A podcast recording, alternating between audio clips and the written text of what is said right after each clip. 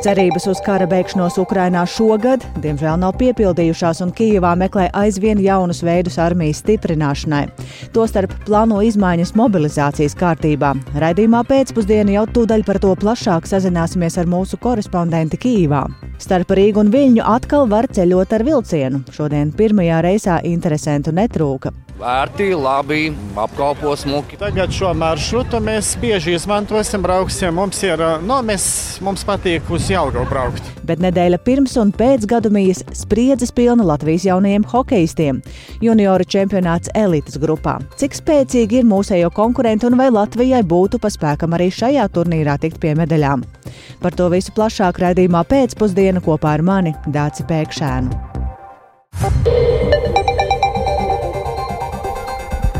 16,5 minūtes, kas nozīmē, ir laiks raidījumam pēcpusdienā, lai skaidrotu šodien būtisko. Studijā Dāca Pēkšēna, esiet sveicināti! Vai tiešām bažās par naudas trūkumu daļa ģimenes ārstu neparakstīs līgumus un pacientiem nebūs pieejami nākamajā gadā? Tā brīdinājusi ģimenes ārsta asociācija. Neparakstīto līgumu gan ir arvien mazāk, un nozares ministrs aicina ģimenes ārstu prakses to izdarīt līdz 29. decembrim. Vienlaikus viņš apliecināja, ka papildu finansējums prakšu darba uzlabošanai būs. Kolēģis Jānis Kīncis ir atgriezies šobrīd no Veselības ministrijas, kur notika saruna par ģimenes ārstu norādītajām problēmām. Sveiks, Jāni! Sveicināti! Jā, veselības nozares vadības domstarpības ar ģimenes ārstiem sākās pēc ģimenes ārstu asociācijas paziņojuma, ka no 1. janvāra tie varētu strādāt četras valsts apmaksātas darba dienas, bet piekto dienu nosakot par maksu.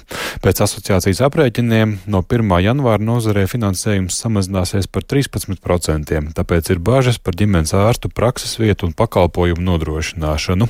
Šodien par šīm problēmām veselības ministrijā notika saruna, lai novērstu ģimenes ārstu pieejamības problēmas pacientiem. Un pēc šīs sarunas, kas ilga apmēram pusstundu. Veselības ministrs Hosams Abumerī no jaunās vienotības gan nenoliedz komunikācijas kļūdas līdzinājā saziņā par ģimenes ārstu norādītajām problēmām, gan arī solīja, ka jau janvārī valdība lems par ģimenes ārstu prakses uzturēšanas līdzekļu palielināšanu un arī ģimenes ārstu aizvietošanas uh, politikas maiņu.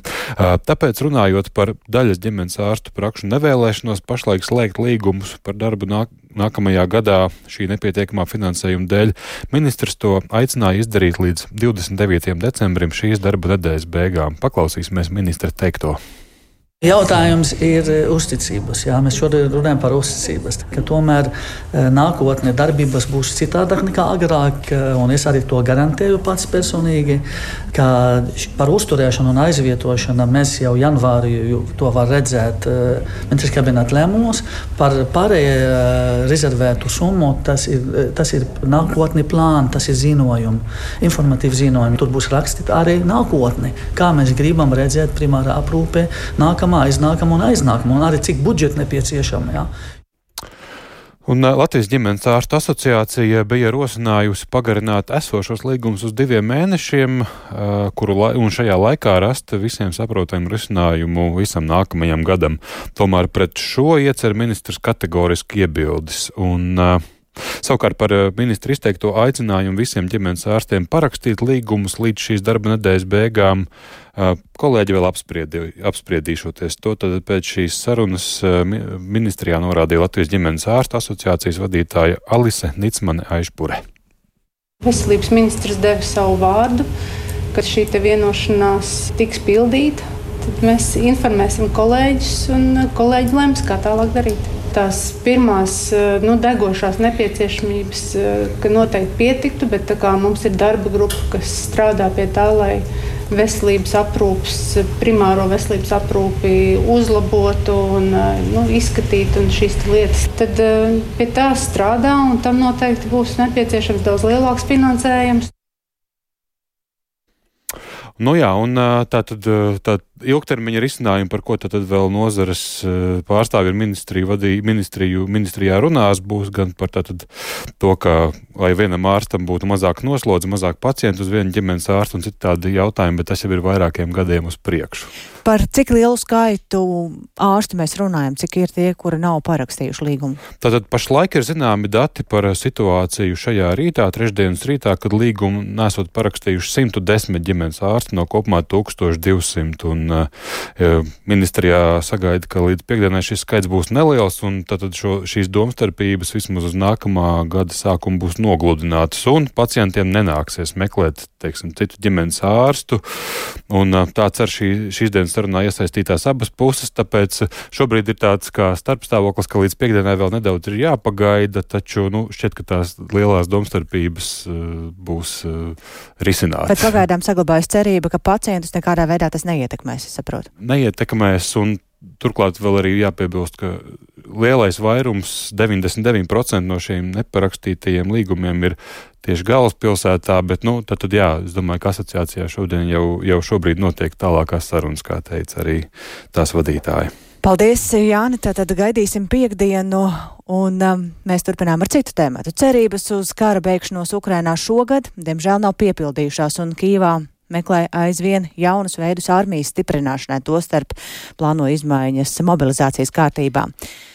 Ukrainas armijā iesaukt jaunākus vīriešus, vienkāršota kārtība, pavēsts izsniegšanai un bargi sodi par izvairīšanos no dienesta. Tie ir vien daži no priekšlikumiem, kurus rosina Ukrainas valdība.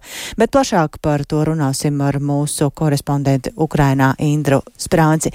Sveika, Indra! Kādas tad ir tās svarīgākās plānotās izmaiņas? Sveiciens, jā, šajās svētku dienās, kad pirmo reizi visā Ukrainā pēc Eiropas laika atzīmēja Ziemassvētkus, Ukrainas parlamentā reģistrēts likumprojekts, kas paredz būtiskas izmaiņas iedzīvotāju mobilizācijas procesā. Ukraiņiem tas ir ļoti nozīmīgs un arī sāpīgs jautājums, tā kā Krievijas pilna apmēra iebrukums tuvojas otrajai gadskārtē.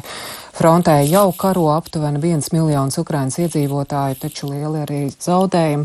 Oficiāli bojā gājušo skaits nav nosaukts, bet pietiek aizbraukt līdz frontē tuvākajām kapsētām, lai redzētu Ukrainas karogu jūru. Ar šiem karogiem šeit godina bojā gājušo karavīru kapavietas. Un uzbrukums turpinās un pieaug arī Ukrainas armijas vajadzības pēc papildus karavīriem.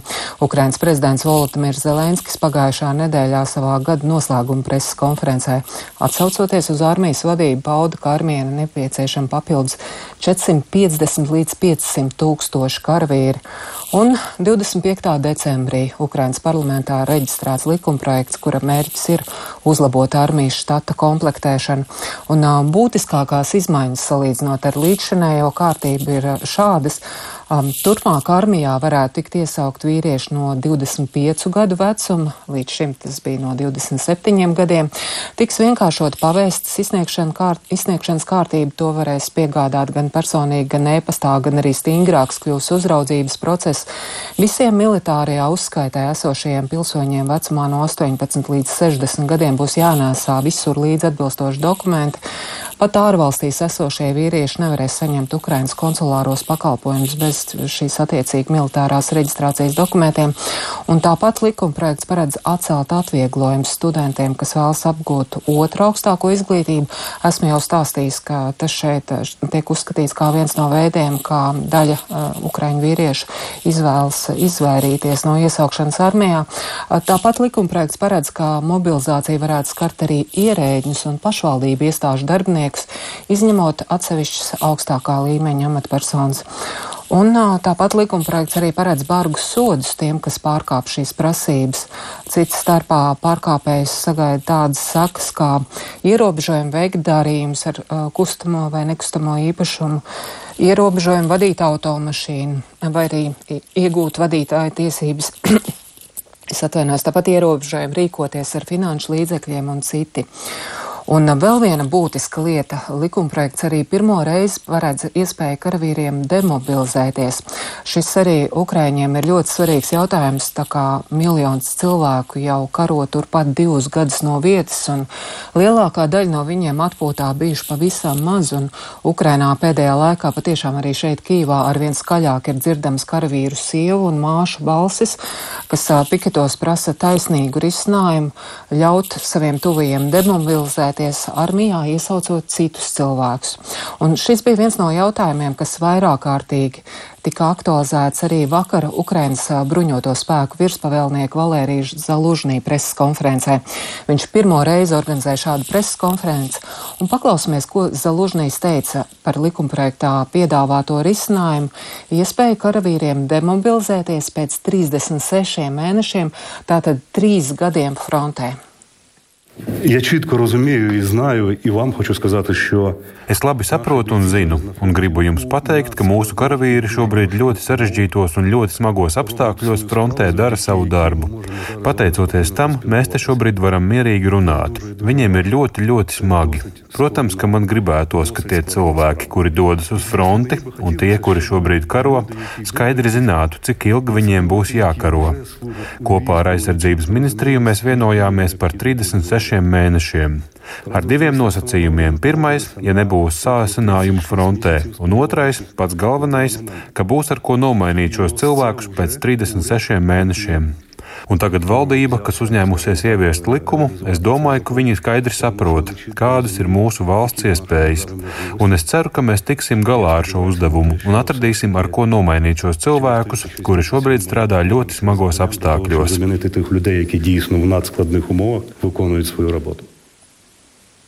Jā, un tātad šis te valdības sagatavotais likumprojekts tagad ir tas veids, kādā armijas vajadzības mēģina nodrošināt. Dace? Bet tā Indra saka, vai Ukrainas armijai šobrīd ir ieroči, ar kuriem nodrošināt vēl pusmiljonu karavīru? Zalužņīs pats vakar preses konferencē izvairījās nosaukt jebkādus skaitļus, kad tika vaicāts, cik te cilvēku armijai vēl vajag un kādas ir tās aktuālās vajadzības. Viņš vairāk kārtīgi uzsvēra, ka šis karš nav nekāds tiešraides šovs un, un katru ukraiņu soli vēro arī ienaidnieks, taču vispārīgi runājot Zalužnīs paudu pateicību sabiedrotajiem par atbalstu Ukrainas armijas kaujas spēju stiprināšanā un arī paudu pārliecību, ka sabiedrotie paliks kopā ar Ukraiņiem un visas problēmas varēja saprast arī šo, tad būtu iespējams atrisināt. Un kā viena no savām lielākajām kļūdām aizgājušajā gadā Zalužnīs minēja, ka bija domājis, ka pie noteikti frontē nodarīto zaudējumu sliekšņa Krievija varētu apstāties, ka pie tādiem zaudējumiem apstātos jebkurš, bet izrādījās ne Krievija. Krievija, diemžēl, turpina uzbrukums, neskatoties uz milzīgiem zaudējumiem šeit Ukrainā, taču Ukraiņi nepadosies un, kā teica Zalužnīs, turpinās cīņu par katru kvadrātmetru Ukrainas zemes. Un, kā, kā solīja tātad tā, virspavēlnieks, tad jaunais 2024. gads kaujas laukā atšķirsies no tā, ko mēs redzējām šajā gadā. Paklausīsimies vēl vienu fragmentu no Zelužņī vakar sacītā. 24 рік він не просто буде відрізнятися, а він має відрізнитися. 2024. gads ne tikai vienkārši atšķirsies, bet tam arī ir jāatšķiras no 2023. gada. Citādi mūs sagaida tas, par ko es vēstīju rakstā. Mēs esam apzinājuši tās problēmas un esam atraduši arī apmēram 90% risinājumu, kas nākamajā gadā palīdzēs mums būt efektīvākiem un pats galvenais - izglābt mūsu cilvēku dzīvības. Pie tā strādā strādājam. Kopā ar mums ir mūsu partneri, kur arī, protams, ir ieinteresēti šajos jautājumos. Un es varu jums apliecināt, ka nākamais kara gads atšķirsies. Mēs darām visu iespējamo, lai tas tā būtu. Саме воєнний рік від 23-го року. Ми принаймні для цього усе робимо. Un piebildīšu, ka Ukraiņa arī stiprina dronu ražošanu pašu mājā un arī citādi mēģina stiprināt militārās rūpniecības ražošanas kapacitāti, lai sektu esošās un arī iespējams jaunās vēl lielākās vajadzības tuvākajā laikā. Dace? Ko tu vari teikt par to, kā paši Ukraiņi uzņem šo likumprojektu? šobrīd ļoti piesardzīgi, bet uh, vismaz no parlamenta puses nāk nāk vēstis, ka būs liela pretestība. Opozīcijas partijas tēvzeme līdere Jūlija Timošenko jau ir paziņojusi, ka partija iesniegto likumprojektu šādā veidā neatbalstīs. Visdrīzāk iebildumi būs arī citiem opozīcijas politiķiem sagaidāms, ka patiešām parlamentā par šo likumprojektu būs ļoti smagas debates, jo tas skar lielu sabiedrības daļu. Darbu pie šī likumprojekta parlaments sāks janvārī un noteikti sekosim līdzi. Paldies Indrai Sprāncei no Kīivas, ar kur runājām par plāniem, kā papildināt bruņoto spēku rindas Ukrainā. Tikmēr Eiropas Savienība ir sākusi gatavot plānu B, lai finansiāli palīdzētu Ukrainai. Aprises alternatīviem risinājumiem ir sākusi iezīmēt Eiropas komisija un tās priekšsēdētāja Urzula Fonderleina jau decembra vidū brīdināja, ka viņa izmantos laiku līdz nākamajam dalību valstu līderu samitam, kas ir paredzēts februāra sākumā, lai sagatavotu šādu plānu. Izdevums Financial Times šodien vēsta, ka visas dalībvalstis, izņemot Ungāriju, nākamgad varētu piešķirt Ukrainai atbalstu ārpus Eiropas Savienības budžeta 20 miljārdu eiro apmērā. Plašāk par to ir gatavs pastāstīt mūsu Briseles korespondents Arčoms Konohovs, ar kuru šobrīd esam sazinājušies. Labdien, Arčom, un saki, vai tas, ka Brisele gatavo šo plānu B, nozīmē to, ka jebkādas cerības pierunāt Ungārijas valdību grozīt Eiropas Savienības budžetu ir atmestas? Nē, pamatplāns joprojām ir mēģināt pierunāt Viktoru Orbānu, Ungārijas premjeru, tomēr atbalstīt budžeta grozījumus, tāpēc, ka budžeta grozījumi ļaus atrisināt ne tikai jautājumu par palīdzību Ukrainai, bet arī citus, citas problēmas. Bet arī, protams, Tāpēc pie šī tiek strādāts ļoti cītīgi, un, kā norādīja Ursula Fonderleina, um, decembra, decembra vidū, tad, kad bija uh, iepriekšējā Eiropadoma, kurā tomēr uh, lielos vilcienos ir izdevies vienoties, un tikai Ungārija nebija gatava atbalstīt, tad uh, viņi izmantos laiku, lai sagatavotu plānu B, un tas jau no paša sākuma bija skaidrs, ka tad, tad, tās varētu būt garantijas, par kurām arī šodien raksta izdevums Financial Times, tās varētu būt būt garantijas, ko dalību valstis sniegtu Eiropas komisijai, un tā, tā izmantojot šīs garantijas, varētu aizņemties naudu uh, finanšu tirgos un pēc tam tālāk aizdot to um, Ukrainai. Šāds pats mehānisms tika izmantots arī pandēmijas laikā, uh, tad, kad dalību valstīm bija nepieciešams, uh, bija doma par kopīgu, teiksim, ekonomikas atjaunošanas plānu. Tas ir uzbūvēts pēc tāda paša principa, bet tomēr joprojām pamatplāns ir, ka tiek tiek strādāts pie tā, lai panāktu arī budžeta grozījumus. Un lūk, kā šo kompromisu decembra vidū raksturoja Ursula Fonderleina. Paklausīsimies. And you can imagine that this combination redeployment and new funding required tough choices. Jūs varat iedomāties, ka naudas pārdalīšana un prioritāšu maiņa prasīja veikt sarežģītas izvēles.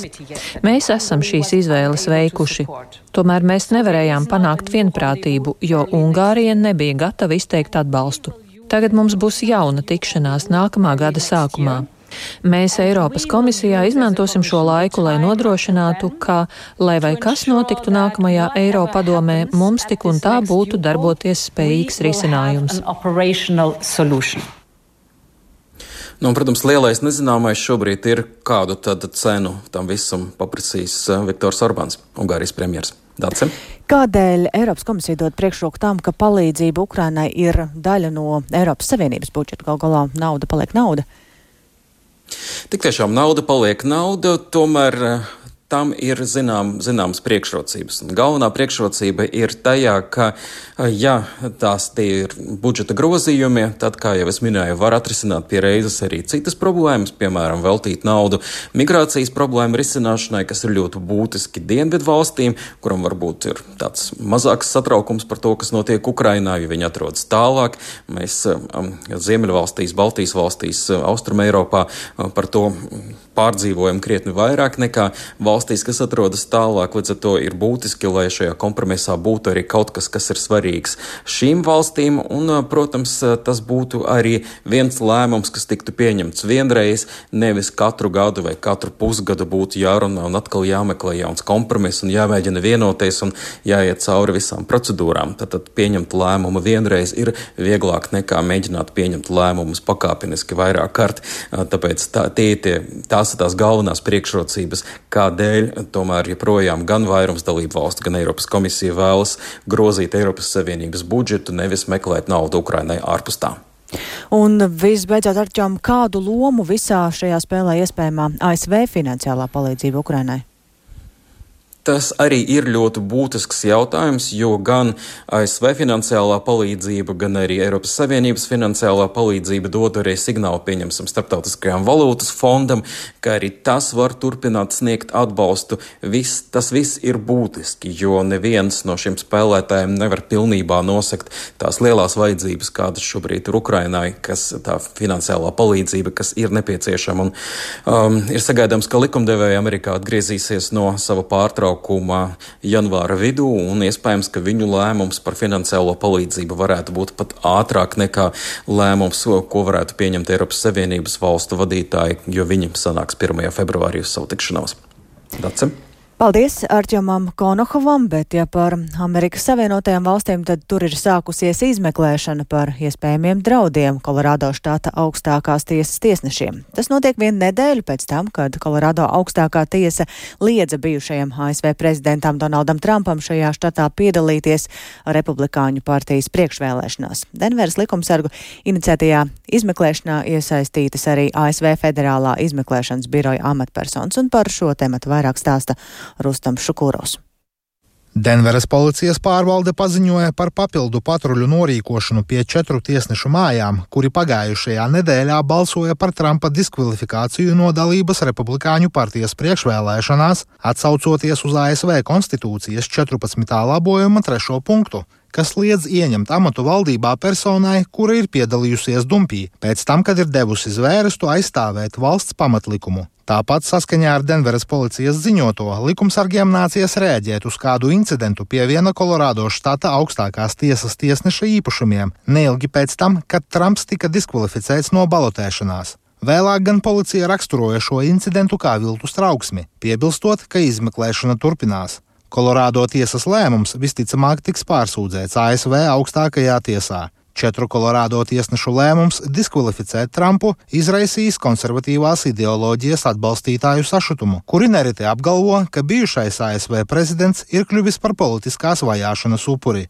Tāpat vairāki ASV mediji ziņojuši par vardarbīgas pret Kolorādo štata tiesnešiem vērstās retorikas izplatīšanos tiešsaistes servisos, pēc tam, kad tika bloķēta Trumpa iespēja balotēties. Federālās izmeklēšanas birojas paziņojis, ka rūpīgi izmeklēs gadījumus, kad tiek izplatīta retorika, kas attaisno vardarbības aktus. Bijušais FIB direktora vietnieks pretizlūkošanas jautājumos Franks Fuglijūzī intervijā telekanālam MSNBC paudis uzskatu, ka ar līdzīga veida retoriku nāksies saskarties arī tiesnešiem citos ASV štatos, kur tiesas varētu saņemt pieteikumus par Trumpa diskvalificēšanu no priekšvēlēšanām.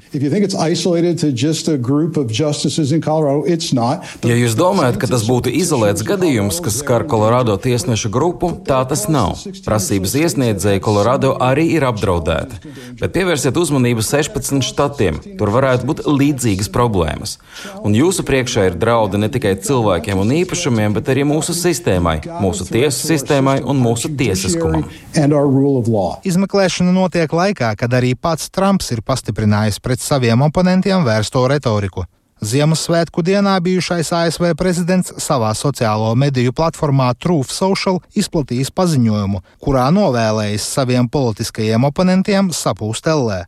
Savukārt otrdien Trumps publicēja aptauju, kurā uzsvēra, ka vienīgais vārds, ko vēlētāji saista ar viņa iespējamo otro termiņu prezidenta amatā, ir atriebība.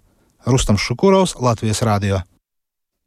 Kā un vai dalīs Garkalni, kādu lēmumu pirms brīža pieņēma Ropažu novada doma, un spriedzes pilna gada izskaņa jaunajiem hokeistiem, jo notiek junioru čempionāts elites grupā, un cik spēcīgi ir mūsējo konkurenti un kādas ir Latvijas izredzes arī par to jau pēc brīža? Redzījumā pēcpusdienu plašāk.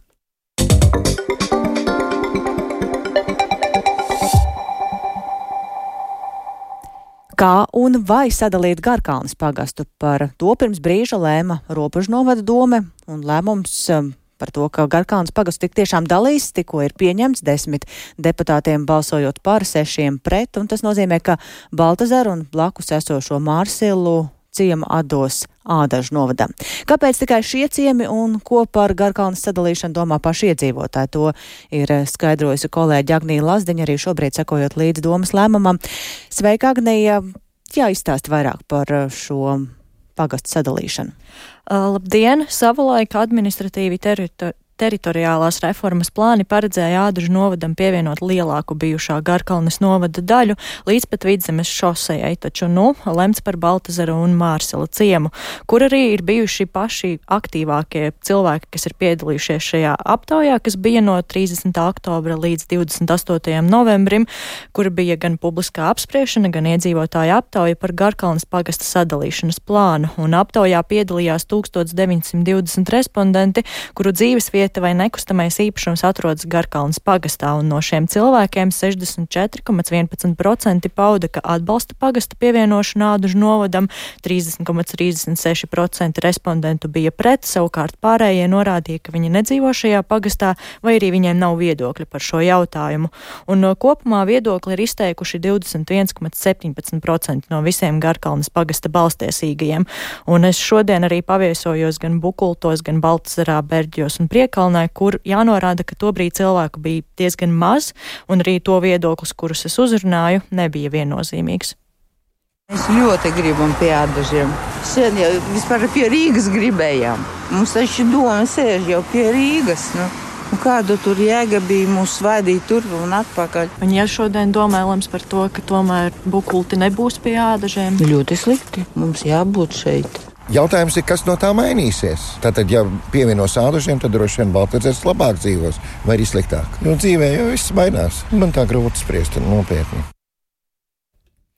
Lēmumu projektu par Garkalnes pagasta sadalīšanas plānu pirms tā apstiprināšanas domē skatīja arī pagājušajā nedēļā Ropažu novada domas finanšu komitejā, kur deputāti asi diskutēja par to, vai atbalstīt Garkalnes sadalīšanu un vai iedzīvotāju aptaujā paustie viedokļi ir pietiekami, lai šādu lēmumu pieņemtu. Proti Baltazara ciemā aptaujā par pievienošanos Ādažu novadam nobalsoja vairāk nekā 40% iedzīvotāji, bet citos Garkalnes pagasta ciemos iedzīvotāju aktivitāte bijusi mazāka. Līdz ar to pēc deputātu domām nesot iespējams pieņemt izsvērstu, izsvērstu un pamatotu viedokli. Un bija gan tobrīd arī deputāti, kas norādīja, ka cilvēku viedoklis ir jāņem vērā, ņemot vērā arī to, ka šī aptauja tika veikta.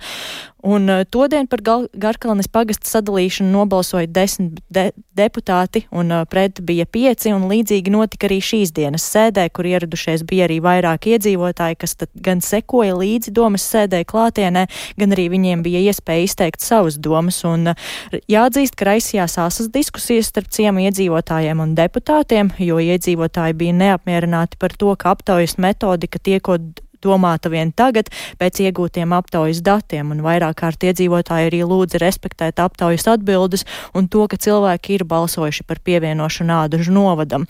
Un uh, sazinājos ar neapmierināto Garkalnas iedzīvotāju pārstāvi Ilzi Žulku, kas norādīja, ka pats gala lēmums vēl nav pieņemts. Kā zināms, ir jālemj par to arī Ādažu novada domai. Līdz ar to Ādažu novada doma arī ir informēta par mūsu viedokli iedzīvotāji, kas nav apmierināti ar šo lēmumu. Tad skatīsimies, ko Ādažu novada doma vērtēs un lems, un, un vienlaikus arī, protams, vērsīsimies pie varam pie tiesības sarga, un, un, jo, nu, gala beigās jau varamam būs jāpieņem gala lēmums. Līdz ar to, lai viņi izvērtē, kā šis process vispār tiks veikts, cik leģitīms ir lēmums un, un tam līdzīgi.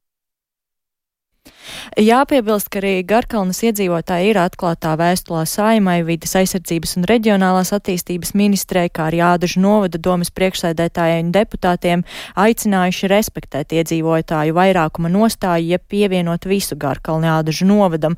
Un arī paši aktīvākie iedzīvotāji ir prasījuši nevirzīt tālāk šo, šo visu jautājumu uz priekšu, un uh, viņuprāt tas uh, faktiskais atbalsts esot lielāks nekā tas parādās aptaujas atbildēs, uh, un tieši arī arī šajos respondentu skaitā, jo daļa Garkalnas iedzīvotāji esot deklarējušies Ādažu novadā, lai varētu nodrošināt sev un bērniem sasniedzamu poliklīniku, skolu un bērnu dārzu, un uh, tas tiek darīts, jo Ādažu pirmskolas iestādes, pamatskola un vidusskola esot Garkalnai tuvākās vispārīgās izglītības iestādes, kurās mācās daudzi Garkalnas novada izglītojumai, bet arī geogrāfiski tām varot piekļūt tikai no Ādažu novada.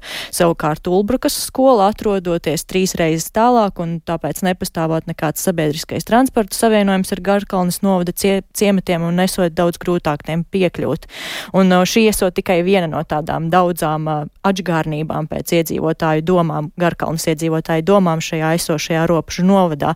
Un, um, Jā, un šo lēmumu robežu novada doma ir pieņēmusi un līdz gada beigām jānodot ādažu novadam, taču lēmums varētu stāties spēkā vien pēc nākamajām pašvaldības vēlēšanām. Bet tev pašai ir radies tāds skaidrojums, kas tad tieši mainīsies un kurš no tā ir lielākais ieguvējs? Pagaidām vēl par to ir grūti spriest. Pieļauju pēc uh, iedzīvotāju paustā, ka ir gan, gan savi labumi, gan arī ir cilvēki, kas nu, pasaka savu to viedokli pret šajā situācijā, bet pieļauju, ka to rādīs laiks. Bet ar šis vēl nav gala lēmums? Nē, vēl nu. nav. To vēl arī skatīs ādažu doma, un, un tad jau redzēs, vai arī iedzīvotāji iesāks kaut ko un cīnīsies pret šo lēmumu. Paldies par šo skaidrojumu Agnijai Lazdiņai. Bet um, Rīgas centrālā stacijā teju pēc 20 gadu pārtraukuma šodien piestāja pirmais ar pasažieriem pilnais vilciens Viļņa Rīga, kas jau šobrīd Redījuma laikā ir devies arī atceļā, taču šāda satiksme starp abām pilsētām ir plānota katru dienu. Plānots arī, ka starp abām pilsētām tātad uh, vilciens, kā jau minēju, kursēs katru dienu vilcienu uz perona. Sagaidīja arī kolēģis Viktors Demīdovs, kurš pievienojas studijās. Veiks, Viktora, pastāsti, vai ceļā uz Viļņu sastap arī kādu braucēju no Latvijas?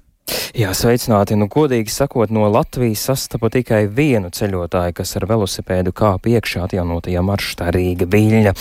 Un izējot cauri gandrīz visam dīzeļvilciena trīs vagonu sastāvam dzirdēju lietuviešu val valodu. Interesanti, ka interesanti no Latvijas ar skatu un mājienu vilcienu pavadīja no perona un salīdzinot ar Lietuvas ceļotājiem, kas no rīta teica, ka ar vilcienu vilcienu kustību ir apmierināti. Pasažieri un interesanti no Latvijas norāda uz nērto izbraukšanas laiku liels notikums man dzīvē, ka es vēl esmu tik jauns, ka neatceros, ka pēdējo reizi bija vilciens no Rīgas uz Viļņu. Tāpēc nu, ir uh, liels prieks. Ko tur plānojat darīt Viļņā? Izpētīt pilsētu, satikties ar draugiem, noteikti plānot arī lietot citas reizes tālāk, nākotnē. Iespējams, varbūt pārsēsties uz Varšavu, tālāk uz Berlīni. Un, un, un cik ilgi plānojat būt Viļņā? Vienu pilnu dienu, jo nu, šis sanāk, ka varbūt nav visārtākais laiks no Rīgas, ka nu, atbrauc tikai septiņos vakarā. Tad, nu, jāpavada viena pilna diena, nu, lai pa, tad, un divas naktis, diemžēl. Bet, nu, cerams, nākotnē būs vēl plašāks piedāvājums ar laikiem. Tā ir jauna iespēja. Beidzot, pēc pandēmijas mums ir jaunais vilciens, kas izbrauc no Latvijas. Un, uh, iepriekš uz Viļņu nebija vilcienu. Vienkārši gribam uh, izbaudīt jaunu iespēju. Man dēls ir uh, vilcienu fans un entuziasts, un tāpēc uh, es jau nezināju nemaz īstenībā, kad ir. Atsevišķi pasažieri saka, nu, ka nav ērti. Lietuvieši var atbraukt uz šejieni un nu, pēcpusdienā atpakaļ. Bet, eh, ja no nu Latvijas jābrauc, tad ir jānakšņo un attiecīgi vairāk izdevumu. Vai tas jūs neattur vai kā? Nu, nē, es domāju, tas būtu interesanti arī apstīties citu, citu pilsētu, jo ilgi neesmu bijusi arī Viļņā. Un, nu, tā kā, tā kā mani tas neaturētu no tā. Tālūk, Rīgas stacijā uzrunātie pasažieri un interesanti un vilcienu satiksmi starp abām pilsētām pārtrauca 2004. gada janvārī un daudzus gadus vēlāk gan atklāja starptautisko vilcienu Kīva, Mīnska, Viļņa, Rīga un pēdējais šāds brauciens notika 2020. gada martā, nu, kad Latvijā sāka plosīties līdzīgi kā citur pasaulē Covid-19 pandēmija. Pirmajā braucienā devās arī Lietuvas premjerministre Ingrīda Šimonīte un satiksmes ministrs ministrs Mārijus Skodis, kurš man teica, ka neizprot, kā tas varēja būt, ka starp abām valstīm tik ilgi nebija regulāras, ērtas vilcienu satiksmes. Un pār tā atjaunošanu viņš esot ļoti priecīgs. Bet vai būs ērta satiksme arī Latvijas pasažieriem? Precīzas atbildes vēl nav, turpina satiksmes ministrs Kaspars Briškens no progresīvajiem. Faktiski jāstrādā vairākos virzienos. Viens ir, protams, ka mēs vēlētos, lai arī šis Rīgas viļņas eh, maršruts būtu arī rīta vilciens no Rīgas. Notiecīgi tas būtu tas nākamais eh, loģiskais solis. Eh, tālāk arī mūsu pašu pasažieru vilciens strādā pie iespējama Daugopils vilciena pagarināšanas līdz Viļņai vai vismaz līdz robežu stacijai sākotnēji. Un, protams, arī skatāmies ziemeļvirzienā, pagarinot esošo Rīgas valgas maršrutu līdz Tartu un iespējams pat tālāk līdz Tallinai. Katrā ziņā es noteikti atbalstu šāda veida pārobežu dzelzceļu maršrutu attīstību. Tālūk, satiksmes ministrs Kaspars Briškens no progresīvajiem, un pat laban vilciens jau ir ceļā uz Viļņu vairāk nekā stundu, un uh, galvaspilsētu sasniedzos, plānots, uh, ka sasniegs ap astoņiem vakarā. Vilciens no Viļņas katru dienu tātad izbrauc uh, pusseptiņos no rīta, Rīgā tas ir aptuveni bez ceturkšņa 11. savukārt uz kaimiņu valsti ceļu tas sāk īsi pirms pusčetriem pēcpusdienā pēcpusdienā. Lietuvā, ja runājam par pieturvietām, tad Lietuvā tas piestāja pilsētā Kaišadore, Šauļos un Jonišķos, bet, Lietuvā, bet Latvijā mūsu mājās tātad Jelgavā. Vilcienā, ja runājam par tām sēdvietām, tad ir nedaudz vairāk nekā 140 vietas un 4 velostatīvi. Vilciens iekšpusē, manuprāt, līdzinās jaunajam elektrovilcienam, izējot cauri tam sastāvam arī tā, tāda sajūta radās. Taču Lietuvas Lietuvas dīzeļvilcienā sēdvietu ir trīs reizes mazāk, bet toties ir ja, velostatīvi, kas mūsu jaunajos elektrovilcienos vilcienos vēl nav. Paldies Viktoram Temīdavam. Runājam par to, ka tātad uz Viļņu šobrīd var doties arī ar vilcienu, un šādu iespēju pavisam iespējams izmantos arī iespējams kādreiz eh, kādi jaunie sportisti. Un par sportu šobrīd arī turpinām, jo gada nogala sportā ierasti ir tas laiks, kad atskatās uz sasniegto aizvadītajos divos mēnešos, bet U20 Hokeja čempionāts balansē uz gada nogales un jaunā gada sākuma robežas. No 2. Ziemassvētkiem līdz 5. janvārim norisinās junioru čempionāts elites grupā, piedaloties arī Latvijas izlasē. Un cik spēcīgi ir konkurence U20 vecuma vienaudžu vidū, un vai Latvijai būtu pa spēkam arī šajā turnīrā tikt pie medaļām, to vaicāsim kolēģim Lotāram Zariņam. Sveiks! Eh, saki, vai vakar zaudējums turnīra pirmajā spēlē pret māniekiem Zviedriju ar 0-6, to mēs varam saukt par sagrauvu vai tomēr likumsakarību? Jā, nu es teiktu, ka kaut kur pa vidu, tiesa gan līdz sagrāvē tur būtu patāli, bet līdz tām spēlēm, kur Latvija bija visvairāk zaudētie vārti, noteikti arī tiksim, bet ir vairāk faktori, kas liek saprast arī ka ir iedzīvotājiem lielākas nācijas, kurās tad sportā līdz ar to ir arī lielāka konkurence, arī vieglāk tiek galā ar šīm mazākām komandām. Piemēram, Latvijā kopā reģistrēti ir 2,4 tūkstoši junioru hokeisti, bet Zviedrijā tie ir nepilni 44 tūkstoši. Savukārt hokeja junioru Mekā Kanādā, ar kuriem šodien Latvijai būs arī spēle kopumā, ir 362 tūkstoši jaunie hokeisti, nu, tas ir vecumā no U18 līdz U20. Tas tikai liecina par to, ka jā, šīm lielajām nācijām ir būtisks pārspēks. Kāda ir pievienotā vērtība tieši mazākām dalību valstīm? Jā, nu viens ir tas, ka junior hokejs um, nu, no tiem hokeja līmeņiem ir tāds visneprognozējamākais. Um, rezultāts var mainīties uz abām pusēm pat uh, mazākā minūtes laikā. Tāpēc ir iespēja arī mazākām dalībvalstīm aizķerties. Un otrs, ka mm, spēles vēro arī uh, Nacionālo hokeju komandu skauti. Šeit uh, jauniem spēlētājiem ir tā lielākā skatuve, kur arī sev parādīt un iekrist kāda skauta pieraksta blociņā. Un vairāk par NHL pārstāvniecību stāsta sports centrs kom hokeja apskatnieks Ulus Broža, kurš tad tagad arī atrodas turnīra norises vietā. Skautu tiešām ir daudz vairāk nekā uz pieaugušo pasaules čempionātu. Skautu tribīna atrodas tieši zem mēdīņa tribīnas, un tur cilvēki visas tās garumā nāk un staigā un pieraksta savos blociņos. Kāds izmanto blociņu vecās metodas pildspālu, kāds raksta savā planšetē. Nu, skautu skaits tiešām ir liels. Es domāju, ka katra komanda pavisam noteikti ir pārstāvēta pat ar vairākiem cilvēkiem. Šī ir iespēja sev parādīt tiem spēlētājiem, kuri vēl nav draftēti. Latvijas izlasē arī ir vairāk hokeja nākamajā vasarā tiks piesaukti drafta sakarā. Šī ir tiešām lieliski iespēja viņiem parādīt, uz ko viņi ir spējīgi spēlējot pret labākajiem šī vecuma hokeistiem pasaulē.